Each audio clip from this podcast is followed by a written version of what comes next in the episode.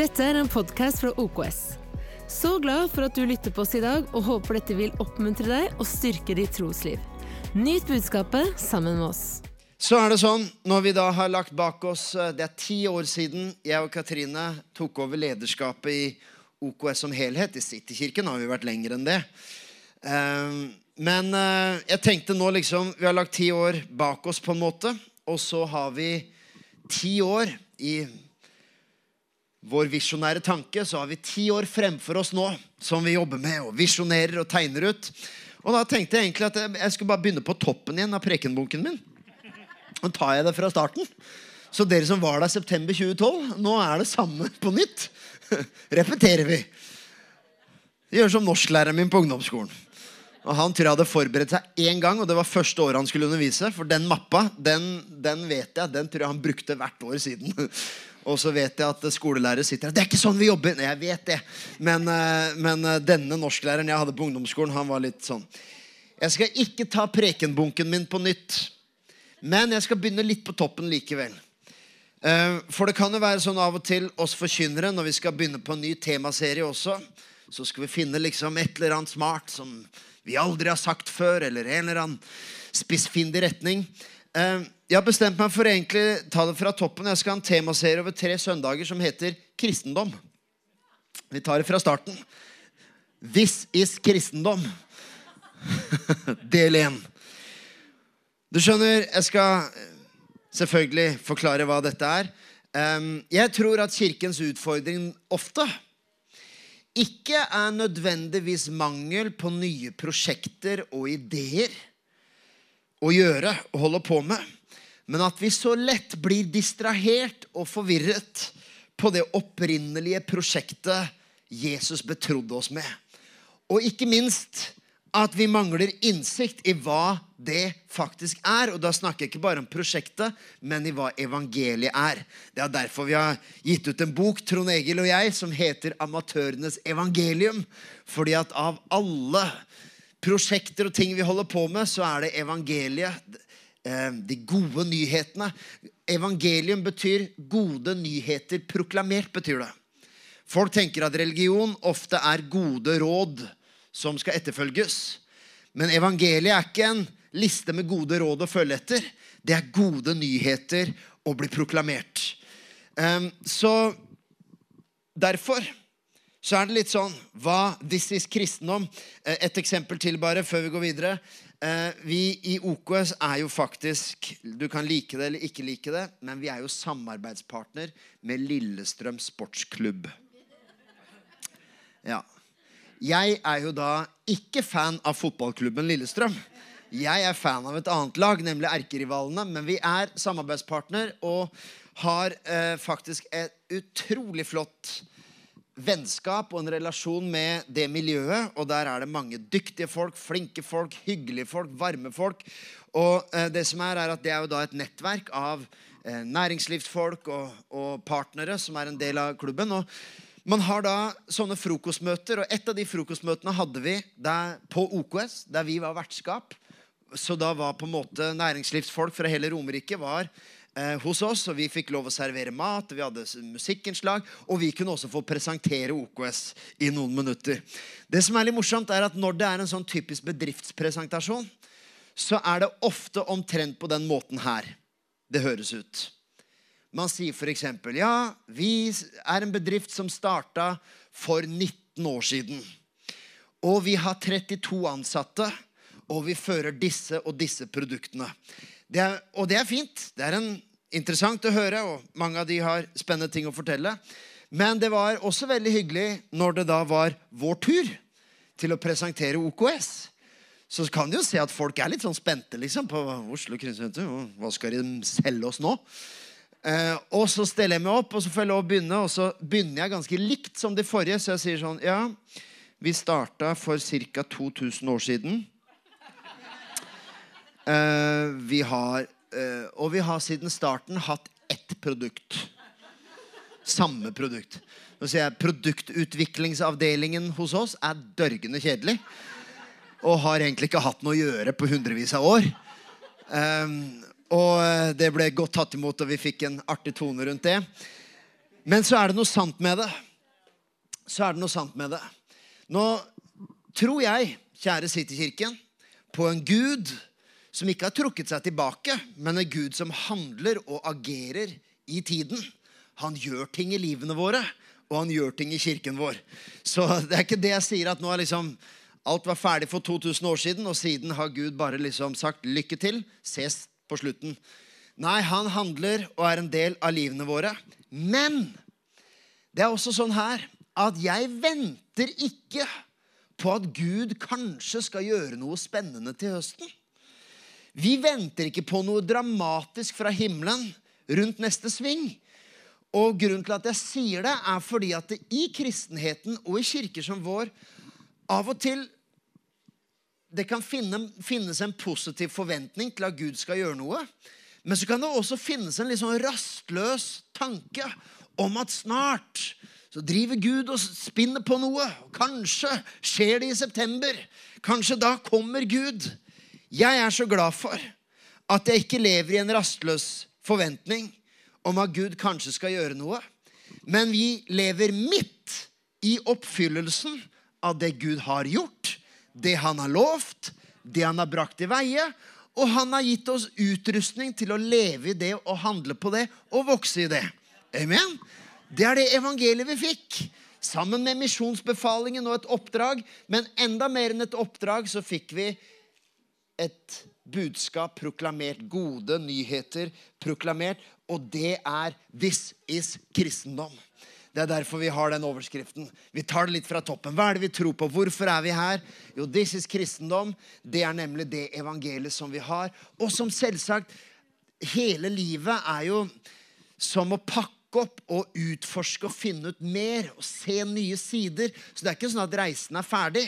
Det er som å få en gigantisk julegave med et masse, masse deler. Som du Alt er i pakken. Alt er i esken. Hvis du har fått en sånn julegave noen gang som du skal bygge ikke sant? Det er det som er litt slitsomt med å gi det til ungene på julaften. Det er fordi at jeg blir jo da opptatt de neste fire timene med å bygge ting. Og ikke minst batterier, dere. Julaften og batterier, der har jeg rutine. Vi kjøper inn batterier før julaften. For ellers så kan det som var i ferd med å bli tidenes største glede, er i ferd med å bli alle drømmer knust de neste fem minuttene når man innser den trenger batterier. Og vi hadde ikke AA-batterier i skuffen, så der har vi rutine. Det er nyttig å være i kirken, er det ikke det? Håkon visste hva jeg snakka om. Du, du, har liksom forberedt, du har kjøpt gaven for en måned siden. Og du har gleda deg til å gi den og bare se stjerner i øynene, og de blir så glad, og det er jubel og, og fest og alt mulig. Og så bare Den går på batterier, ja. Som ikke medfølger. Takk skal du ha. Det var den jula. Og da alle butikker stengt fram til tredje juledag. Ok, Han traff virkelig nærme. Men det er som evangeliet er som at alt er allerede gitt oss Jesus Kristus. Og så er det en fantastisk reise av å oppdage, av å finne ut, av å lese bruksanvisningen, Guds ord. Og så er det sånn, akkurat som på julaften, så har vi pappa til å hjelpe oss når vi står fast. Så det at alt er ferdig, at Gud ikke kommer med en ny overraskelse fra himmelen som vi aldri har sett før i høst engang, Med det så mener jeg ikke at Gud er passiv. Han kan overraske, og han vil overraske. Men når det kommer til hva er kristendom, vet du hva? Det er allerede noe som er gitt oss, og som vi har fått kraft til å vandre i. Og Galaterbrevet 2,20 elsker denne oversettelsen her på akkurat dette verset. For det står 'Jeg lever ikke lenger selv, men Kristus lever i meg'. Så står det 'Det livet jeg nå lever som menneske av kjøtt og blod', det lever jeg i troen på Guds sønn, som elsket meg og ga seg selv for meg. Jeg liker ordlyden veldig godt. Fordi han begynner med å si det som er veldig kjent. Veldig kjent sitat. 'Jeg lever ikke lenger selv, men Kristus lever i meg'. Samtidig er det litt sånn, Hvis man hadde sagt punktum der, så kan det jo også høres veldig på en måte åndelig ut at 'jeg lever ikke lenger selv'. Jeg går bare rundt omkring som en vandrende Kristus-skikkelse. Eller kigigigigigistus-skikkelse, som det heter i kirken. Eh, men så sier han likevel en ny setning. Jo, jeg lever ikke lenger selv. Kristus lever i meg. Men det livet jeg nå lever som menneske av kjøtt og blod Paulus sier ikke bare at han er et åndelig vesen. Han sier, 'Jeg lever et liv som menneske av kjøtt og blod'. Og det betyr at du og jeg, vi spiser, vi sover, vi vokser, vi gråter av og til, vi gleder oss, vi jobber, vi trener, vi forvalter, vi elsker, vi hjelper noen, vi, vi justerer oss langs veien, og vi modnes. Alt dette er å leve et menneske av kjøtt og blod. Men så sier Paulus det livet jeg lever som menneske av kjøtt og blod, det lever jeg i troen på Guds sønn. Jeg har lest det verset her 10 000 ganger, og det har kanskje noen av dere òg. Men jeg satt og liksom bare tenkte på denne balansen mellom liksom den åndsvesenet, eller åndelige siden av livet, og det å være et menneske av kjøtt og blod. Og det er så nydelig at det er ikke sånn at den åndelige siden er av Gud, mens den fysiske siden, det må jeg klare sjæl. Nei, Paulus sier Kristus lever i meg, men det livet jeg lever som menneske av kjøtt og blod, det lever jeg i troen på Guds sønn, som elsket meg og ga seg selv for meg. Så det fins et drivstoff, det fins en kraft i det å være menneske av kjøtt og blod, det lever jeg i troen på Han som elsket meg og ga seg selv for meg. Helt fantastisk. I Paulus sine brever så finner vi ved noen anledninger finner vi noen sånne På engelsk heter det creeds. Trosbekjennelser. Og Av og til så er det nesten sånn at når, eh, spesielt på slutten av brevene så kommer Paulus av og til med noen sånne oppramsninger. Det kommer ganske mange sannheter på én gang hvor han sier eh, ja, Av og til når jeg har lest de tingene, så har jeg nesten lurt litt på snakkemåten til Paulus. For det kommer liksom nesten sånn masse formaninger og oppfordringer på ett kapittel. Sier han 'gjør sånn, tenk sånn, husk det her', Og du kan nesten lure på Paulus det blei litt mange ting på en gang, dette her. Eh, men den snakkemåten tror jeg det er en grunn til, som han av og til har på slutten av brevene. Og jeg oppdaga hvorfor han snakker sånn. Det oppdaga jeg rett før vi gikk ut i sabbatstiden vår. For da skulle jeg etterlate meg en sånn mappe til eh, kjerneteamet og lederteamet vårt. En sånn 12-13 eh, siders mappe hvor det sto alt som gjaldt for de neste ukene. Eh, alle talerne og ting å huske på. Og der skulle jeg også skrive en liten sånn avslutningshilsen, en liten sånn oppmuntringstekst før vi dro av gårde. Og så skriver jeg, Den skulle ikke være lang. Derfor så blir den litt sånn, det var nesten så jeg hadde lyst til å lese den opp her.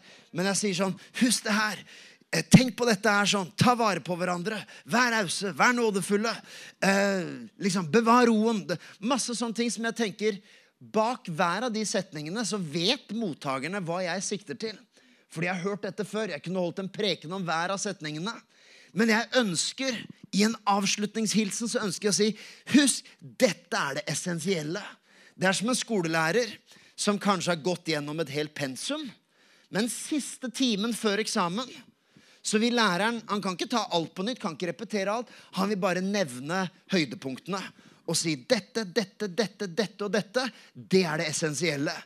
Husk å lære de tingene der. Sånn er det.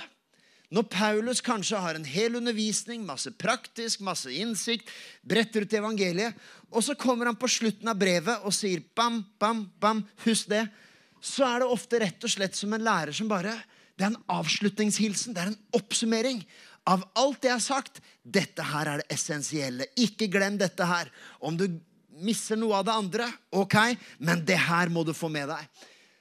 Og når Paulus gjør sånne oppramsinger, når du leser i din personlige bibellesning, så er mitt råd å ikke lese bare lynkjapt gjennom de og tenke at ja, det var bare en litt sånn kjedelig punktliste av Paulus på slutten. De tingene Paulus nevner de, i de brevene vi leser i Bibelen, når de tingene kommer sånn, så husker vi dette her er noe av det som var tettest på hjertet til Paulus. Det vil Si, tettest på hjertet til Den hellige ånd, som inspirerte Paulus til å skrive. Og det som han da ramser opp, er noen av the essentials. Hender det er sånne artister kommer ut med sånne høydepunktalbum og sier the essentials. Det er det disse sangene kan du ikke gå glipp av av denne artisten. Gud er rik. Det fins masse rikdom i Guds ord. Men det fins noen essentials, og det skal vi snakke litt om de par neste ukene. This is kristendom. Vi rekker én liten essential i dag før jeg skal avslutte. Kun ett punkt, og det er denne her. Her er en essentials. Vi leser 2. Korinterbrev 13, 14. Så sier Paulus til slutt, søsken, lev vel. Bli fullt ut dyktiggjort. La dere formane. Ha det samme sinn. Lev i fred med hverandre. Skjønner du hva jeg mener med oppramsing? Dette er en avslutningshilsen på slutten. ikke sant? Husk det her. Gjør sånn. Lev i fred med hverandre. Og kjærlighetens og fredens Gud skal være med dere. Hils hverandre med et hellig kyss Det skal vi gjøre etter gudstjenesten her i dag. Alle de helse, hellige hilser dere. Herre, ja, vi kan gjøre det hjemme, vi. egentlig. Herren Jesu Kristi nåde, Guds kjærlighet og Den hellige ånds samfunn være med dere alle. Den siste setningen der.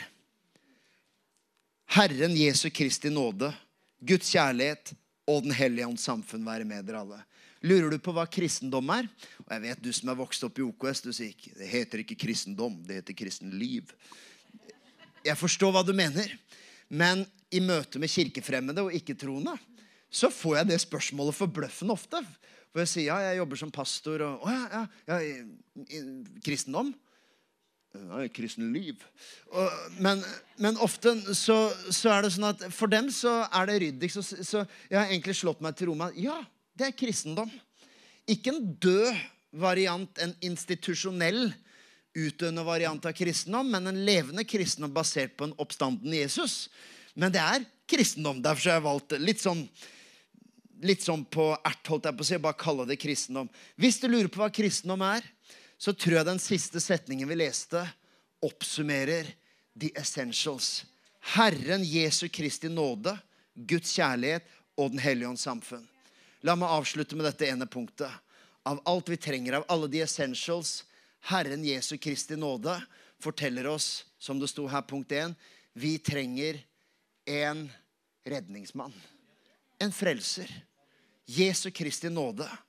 Jeg skal forklare så effektivt jeg kan så, hvorfor det er så viktig å forstå Jesus som frelser, som redningsmann. Fordi i vår tids religiøse klima så tror jeg at det å snakke om en frelser er kanskje det mest umoderne konseptet du kan snakke om. For du kan gjerne snakke om åndsinspirasjon og Jesus som rollemodell, som en, en som på en måte kanskje har en spirituell tilnærming, at du kjente Jesu nærvær, eller at Jesus er et forbilde på moral og gode verdier og nestekjærlighet. Alt dette er mennesker meget, meget åpne for. Det som er den store forskjellen, som jeg egentlig skal innrømme at i samtaler med folk Veldig sjelden at jeg opplever folk er veldig negative og skeptiske til kristendom. Det hender, men veldig sjeldent. Vi kan av og til fremstille det sånn at folk er så rasende på kristne. Folk er egentlig veldig vennligstilt og nysgjerrig, men ofte innafor liksom, rammene av Jesus som inspirasjon og gode verdier. Og, ja, det er fint for, fint for barna å ikke drive med narkotika. Liksom. Det er på det nivået vi snakker. Men jeg har kjent en stadig økende frimodighet på liksom ikke, ikke, begynne å debattere eller krangle, men å være litt tydeligere på å si at ja, Jesus for meg er mer enn bare en inspirasjon. Eh, han er min frelser. Han er min redningsmann. Jeg vet ikke hvor jeg hadde vært uten ham. Jeg var fortapt og ble funnet. Jeg var i mørket og fikk oppleve lys. Jeg var død på innsiden og ble levende. Det er forskjell på å ha Jesus Jeg fant dette på nettet om på innsiden. Ta en titt.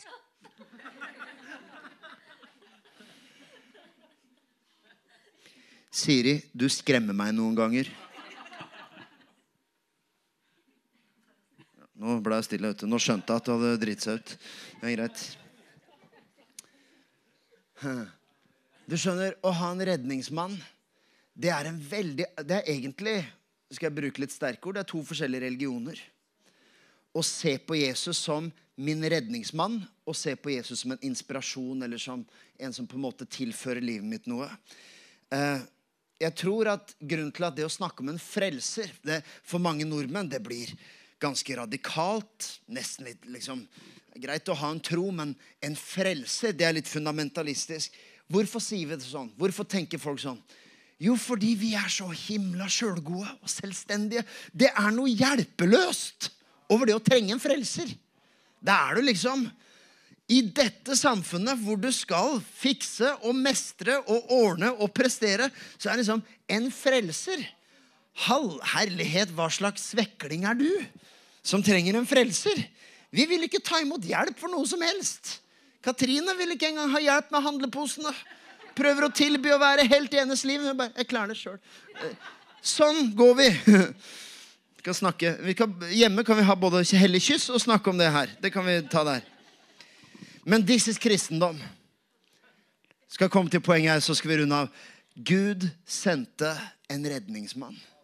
Sendte en redningsmann til oss. Ikke bare en livscoach, ikke bare en kilde til god moral, ikke bare en livsveileder.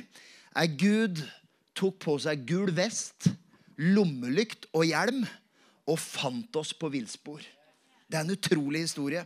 Du skjønner, identiteten som kristen, når man får innsikt i at det var ikke bare at jeg søkte Gud, og så fant jeg et livssyn jeg likte. Nei, jeg var lost, og Gud fant meg. Jeg, jeg, jeg var fortapt, og jeg ble funnet i en redningsaksjon. Mange tenker at kristendom er mer som åndelige fjellvettregler.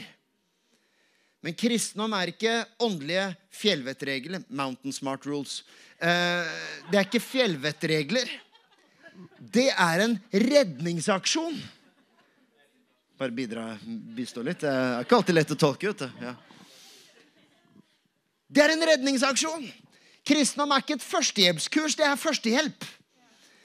Det er Guds ord inneholder masse visdom for livet, veiledning for livet, og jeg tror at livene våre blomstrer når vi lever i det.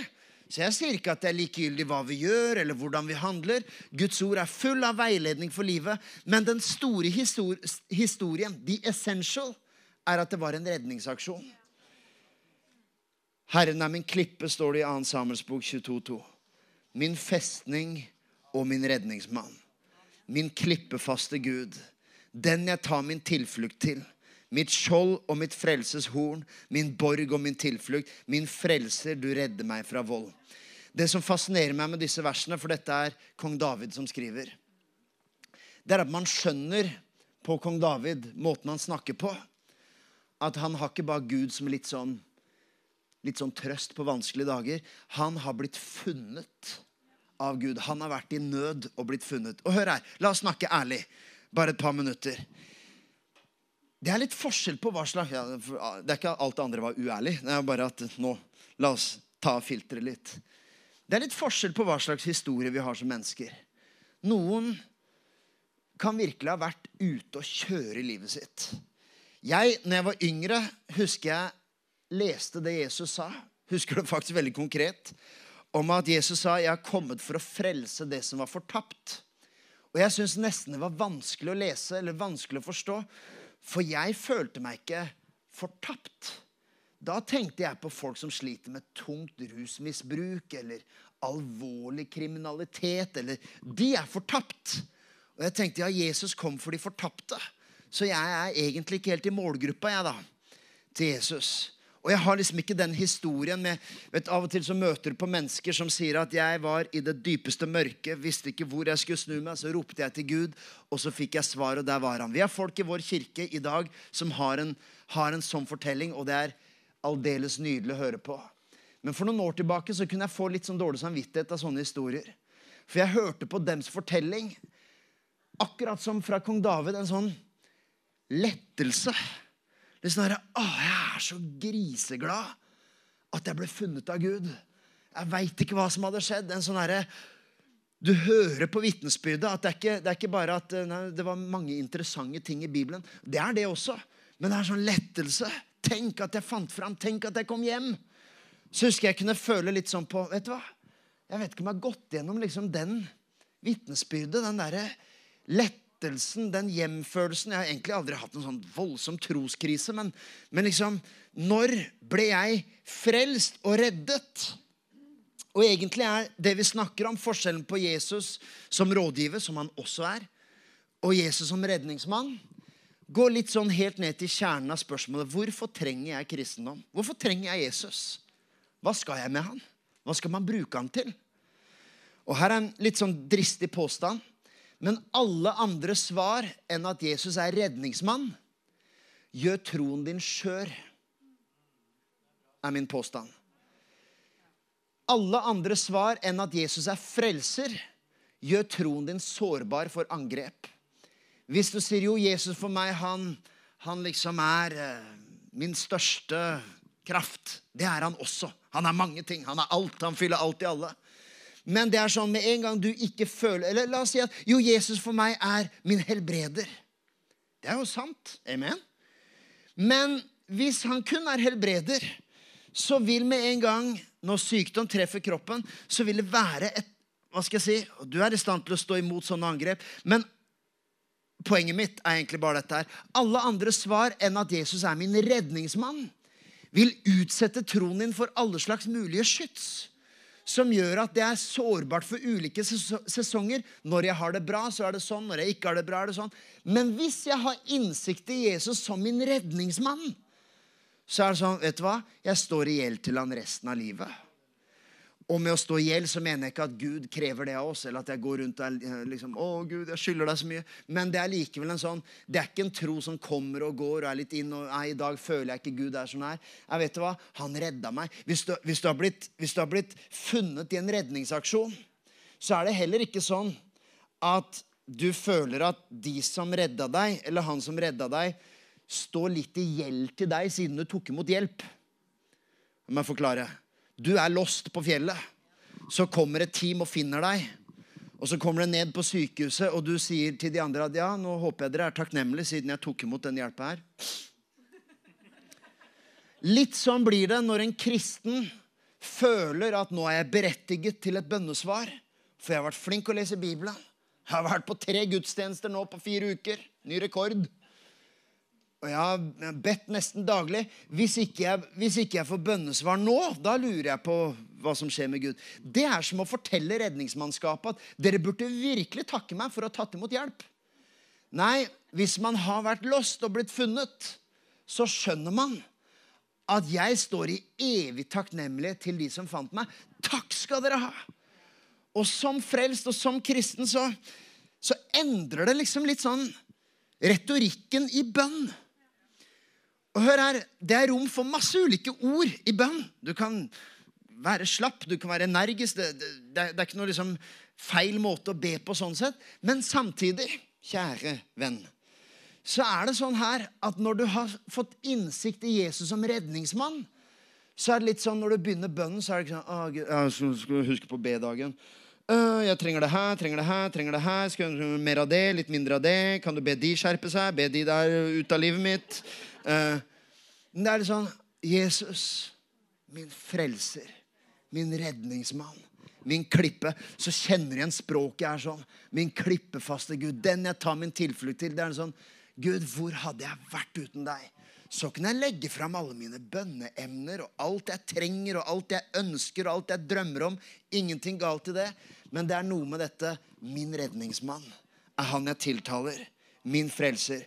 Kanskje er det litt sånn at jo lenger nede du var på det tidspunktet du oppdaget Guds nåde, jo lettere er det for deg å forstå Jesus som redningsmann. For oss som er vokst opp kanskje med tro og veldig mye trygghet rundt det Jeg har hatt mine fighter og mine prøvelser. Men det, det er på en måte en litt lengre reise å oppdage Jesus som frelser og redningsmann. Men jeg tror det skjer gjennom to måter. Det ene er dette her at ettersom du blir eldre Og forstå meg rett nå, det er ikke det at du må gå gjennom grusomme ting. Men når du blir eldre, før eller siden, så vil de tingene du håpa på og satte din lit til og stolte på, vil skuffe på et eller annet nivå. Og det som også vil skje, er at det, det som gjerne skjer i kulturen vår Dette er interessant. Bare heng med. Snart ferdig nå. Men, men det er interessant i kulturen vår, så sier man ja, du, du kan liksom til syvende og sist Du kan ikke stole på noen andre enn deg sjøl. Og så finner du ut at på samme måte som andre mennesker kan skuffe deg, så fant du ut at like, Hvorfor i all verden skulle du være det eneste mennesket i verden å stole på? Nei, like mye som du kan bli skuffa over andres atferd, så kommer du til å bli skuffa over deg sjøl. Og det er bare å leve lenge nok. Så fant du ut at oi, jeg var ikke den supermannen eller superkvinnen jeg trodde jeg var. Eller hvis du kanskje ikke har vokst opp med tro på at du var en supermann, så er du kort vei til å vite at nei, jeg har aldri vært noe supermenneske. Alltid følt meg på defensiven. Alltid vært under. Alltid følt meg min mindreverdig. Det er det ene som gjør at jeg da kan kalle Jesus min redningsmann. Det er bare å leve lenge nok. Og Hvis du kommer her og er litt sånn på reise i troen, vet ikke helt om du er en, liksom, du syns det blir radikalt å kalle Jesus frelser Min påstand er at vi alle har noe som vi behandler som vår frelse på et eller annet nivå. Det, kan, det, er det mennesket, den institusjonen eller det vi satte vår lit til. Det kan være staten, det kan være Nav, det kan være en skolelærer, det kan, det kan være en ektefelle, det kan være et familiemedlem. Og det som av og til forårsaker så utrolig mye sinne og smerte i kulturen vår, det er når det man satte sitt lit til, skuffer en. Det er ikke rart folk er så rasende på staten hele tiden. Og forstå meg rett, jeg, jeg vet at vi har krav på ting, og, og, det kan være frustrerende å slåss med et Nav-kontor eller med rettigheter du har. Så det er ikke det at du ikke skal ha lov å si fra, men dette enorme raseriet. Hvorfor blir folk så sinte? Det kan være med rette, men samtidig så er det litt sånn Jo, for jeg hadde mitt håp til dem. De skulle ordne for meg og forsørge for meg og gi meg det jeg hadde krav på. Og når de skuffer, så blir jeg så sint. Det kan vi ha med et familiemedlem. Tenk at den moren eller den faren eller den vennen eller den venninnen, de skulle vært der for meg. De skulle vært en god bror, en god søster, en god mamma, en god pappa. Og så forsvant de, så svikta de. Og så blande, så veksler man litt, veldig ofte, mellom å bli full av fordømmelse og tenke 'Hva er galt med meg?' Hvorfor er jeg så forkastelig? Hvorfor blir jeg så avvist? Hvorfor, Hva er det med meg som er så frastøtende? Man, blander, man mikser mellom å ha fordømmelse og så bli bitter og sint på de andre og si 'Hva er galt med dem?' som kan være så avvisende. Kan du se det? Skal jeg si det en gang til? Man veksler mellom fordømmelse 'Hva er galt med meg?' som blir avvist, eller bitterhet 'Hva er galt med dem?' som avviser. Så veksler man mellom de to følelsene. Når Jesus er vår redningsmann, så er det litt sånn Vi trenger mennesker. Det er som Paulus sa, jeg er fortsatt et menneske av kjøtt og blod. Men det livet jeg nå lever som menneske av kjøtt og blod, lever jeg i troen på staten, troen på at den familien Nei, i troen på ham som elsket meg og ga seg selv for meg, som aldri svikter og som aldri forlater. Jeg trenger fortsatt folk. Jeg trenger venner og venninner. Jeg trenger familie. Men samtidig så vet jeg i mitt indre at venner kommer, og venner går. Familiemedlemmer kommer, og familiemedlemmer går. Om ikke det er brudd og konflikt, så er det at de en dag dør de.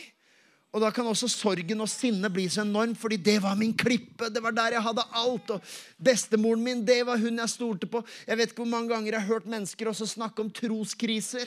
Når noen som de var så glad i, forsvant. Kanskje en eldre person også som døde naturlig, men liksom det var, det var hun jeg virkelig kunne dele ting med. Og det er fint, og det er bra. Men venner kommer, og venner går. Familiemedlemmer kommer, og familiemedlemmer går. Statlige rettigheter kommer, og rettigheter går. Penger kommer, og penger går. Han tennes til å gå. Men vet du hva? Hans ord skal aldri få gå. Og han svikter oss ikke og forlater oss ikke. Det er forskjellen på eh, Selv om du har Jesus som redningsmann, kan du fortsatt bli skuffa i livet. Du kan fortsatt oppleve nedturer men det er samtidig en sånn Ingen smerte, ingen lidelse og ingen hendelse kan noen gang trumfe den lettelsen og takknemligheten jeg har ved at han er min redningsmann. Og vet du hva, helt til slutt, det endrer også tilnærmingen til andre mennesker. Det endrer tilnærmingen, fordi hvis du har Takk, Torunn, du kan komme og hjelpe meg her. Hvis du liksom har hmm, um, Det er veldig rart hvis du har blitt reddet ned fra fjellet i en redningsaksjon, og så sitte hjemme i stua og syns det er så idiotisk med folk som går seg vill i fjellet. Ikke sant? Det blir veldig rart hvis de måtte bruke masse ressurser på å finne deg et eller annet sted du hadde gått deg vill. En uke etterpå sitter du og ser på nyhetene, og så er det et nyhetsinnslag om en redningsaksjon i fjellet, og der sitter du bare «Ah, Er det mulig at ikke folk kan følge kartet? At ikke de liksom er Hvor dum går an å bli? Så sitter andre bare uh, du blei vel henta for en uke siden. Du kan ikke sitte og kritisere dem.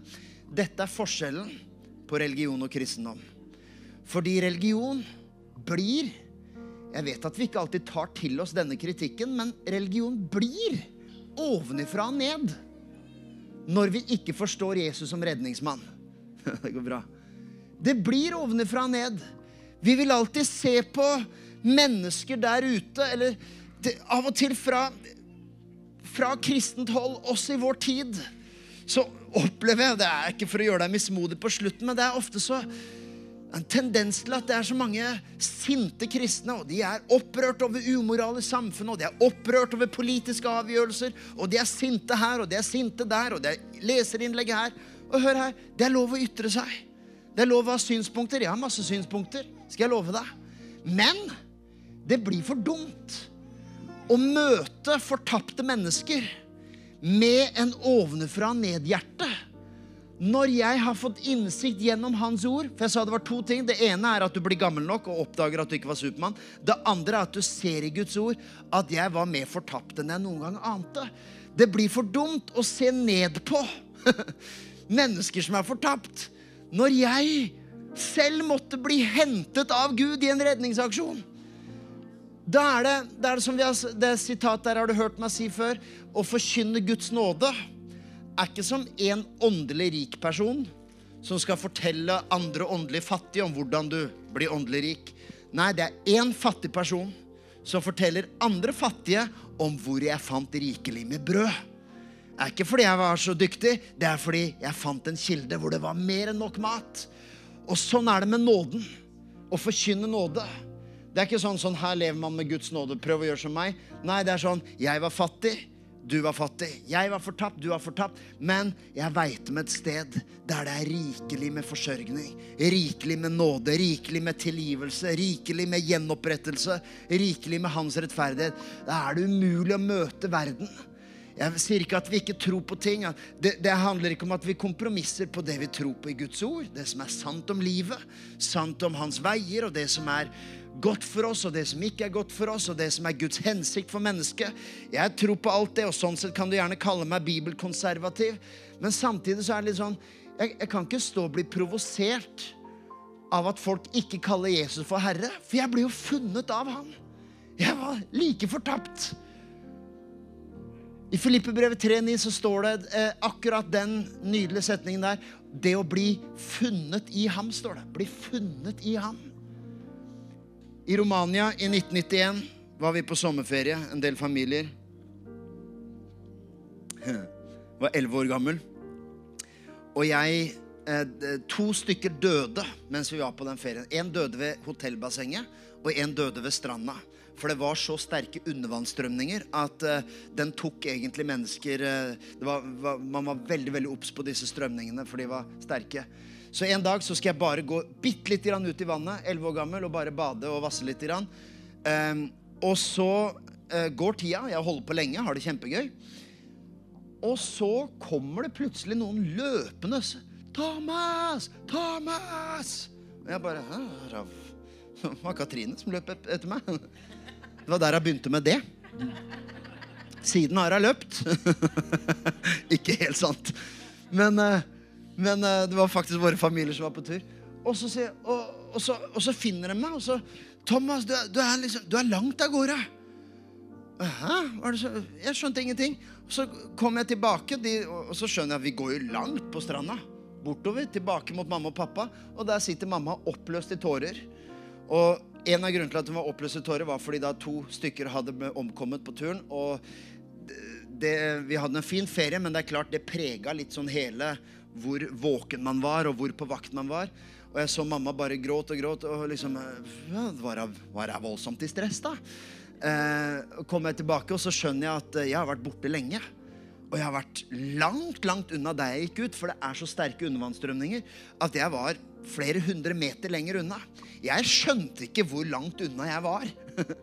og jeg kan si det samme om min åndelige reise som menneske. Jeg kan ha følt av og til at jeg er ikke blant de fortapte. Jeg har liksom gjort det, levd sånn stort sett på, på linja, liksom. Men du ser ikke, du har ikke selvinnsikt nok til å skjønne hvordan du drifter av gårde fra ting. Men vet du hva? Nå sitter ikke Gud på stranda og gråter. Men vet du hva han gjør? Han sitter ikke der og sier Uff, nå er du langt unna, sønn. Nei, vet du hva? Godhet og miskunnhet skal etterjage meg. Han kommer med lommelykt og gul vest og sier, 'Kom, kom, kom! Du er på villspor! Kom tilbake! Kom hjem!' Og så finner han oss, og da blir det for dumt å kjefte på de andre som er langt unna Gud. Da er det mer å fortelle fortellingen. Hør her, i vår tid med krig og uro og opp- og nedkonjunkturer og frykt og bekymring. Vet du hva? Jeg har faktisk en redningsmann, jeg. Så min trygghet og min støtte i livet er mange jeg stoler på, mange som hjelper, men det er verken Nato eller Arbeiderpartiet eller Høyre eller eh, banken min eller hvem det nå skulle være, som er det som gjør at jeg sover godt om natta. Nei, jeg ble funnet i ham. Ingenting kan rokke ved en sånn tro. Og derfor er det jeg forteller om min redningsmann. This is kristendom. Amen. Amen. Takk for at du tok deg tid til å lytte på en av våre podcaster fra OKS. Vår visjon er å bringe Jesus til mennesker i vår verden, og mennesker i vår verden til Jesus. Følg oss ellers på vår YouTube-kanal og sosiale medier. Du er velkommen til å besøke en av våre kirker. For mer informasjon, sjekk ut oks.no.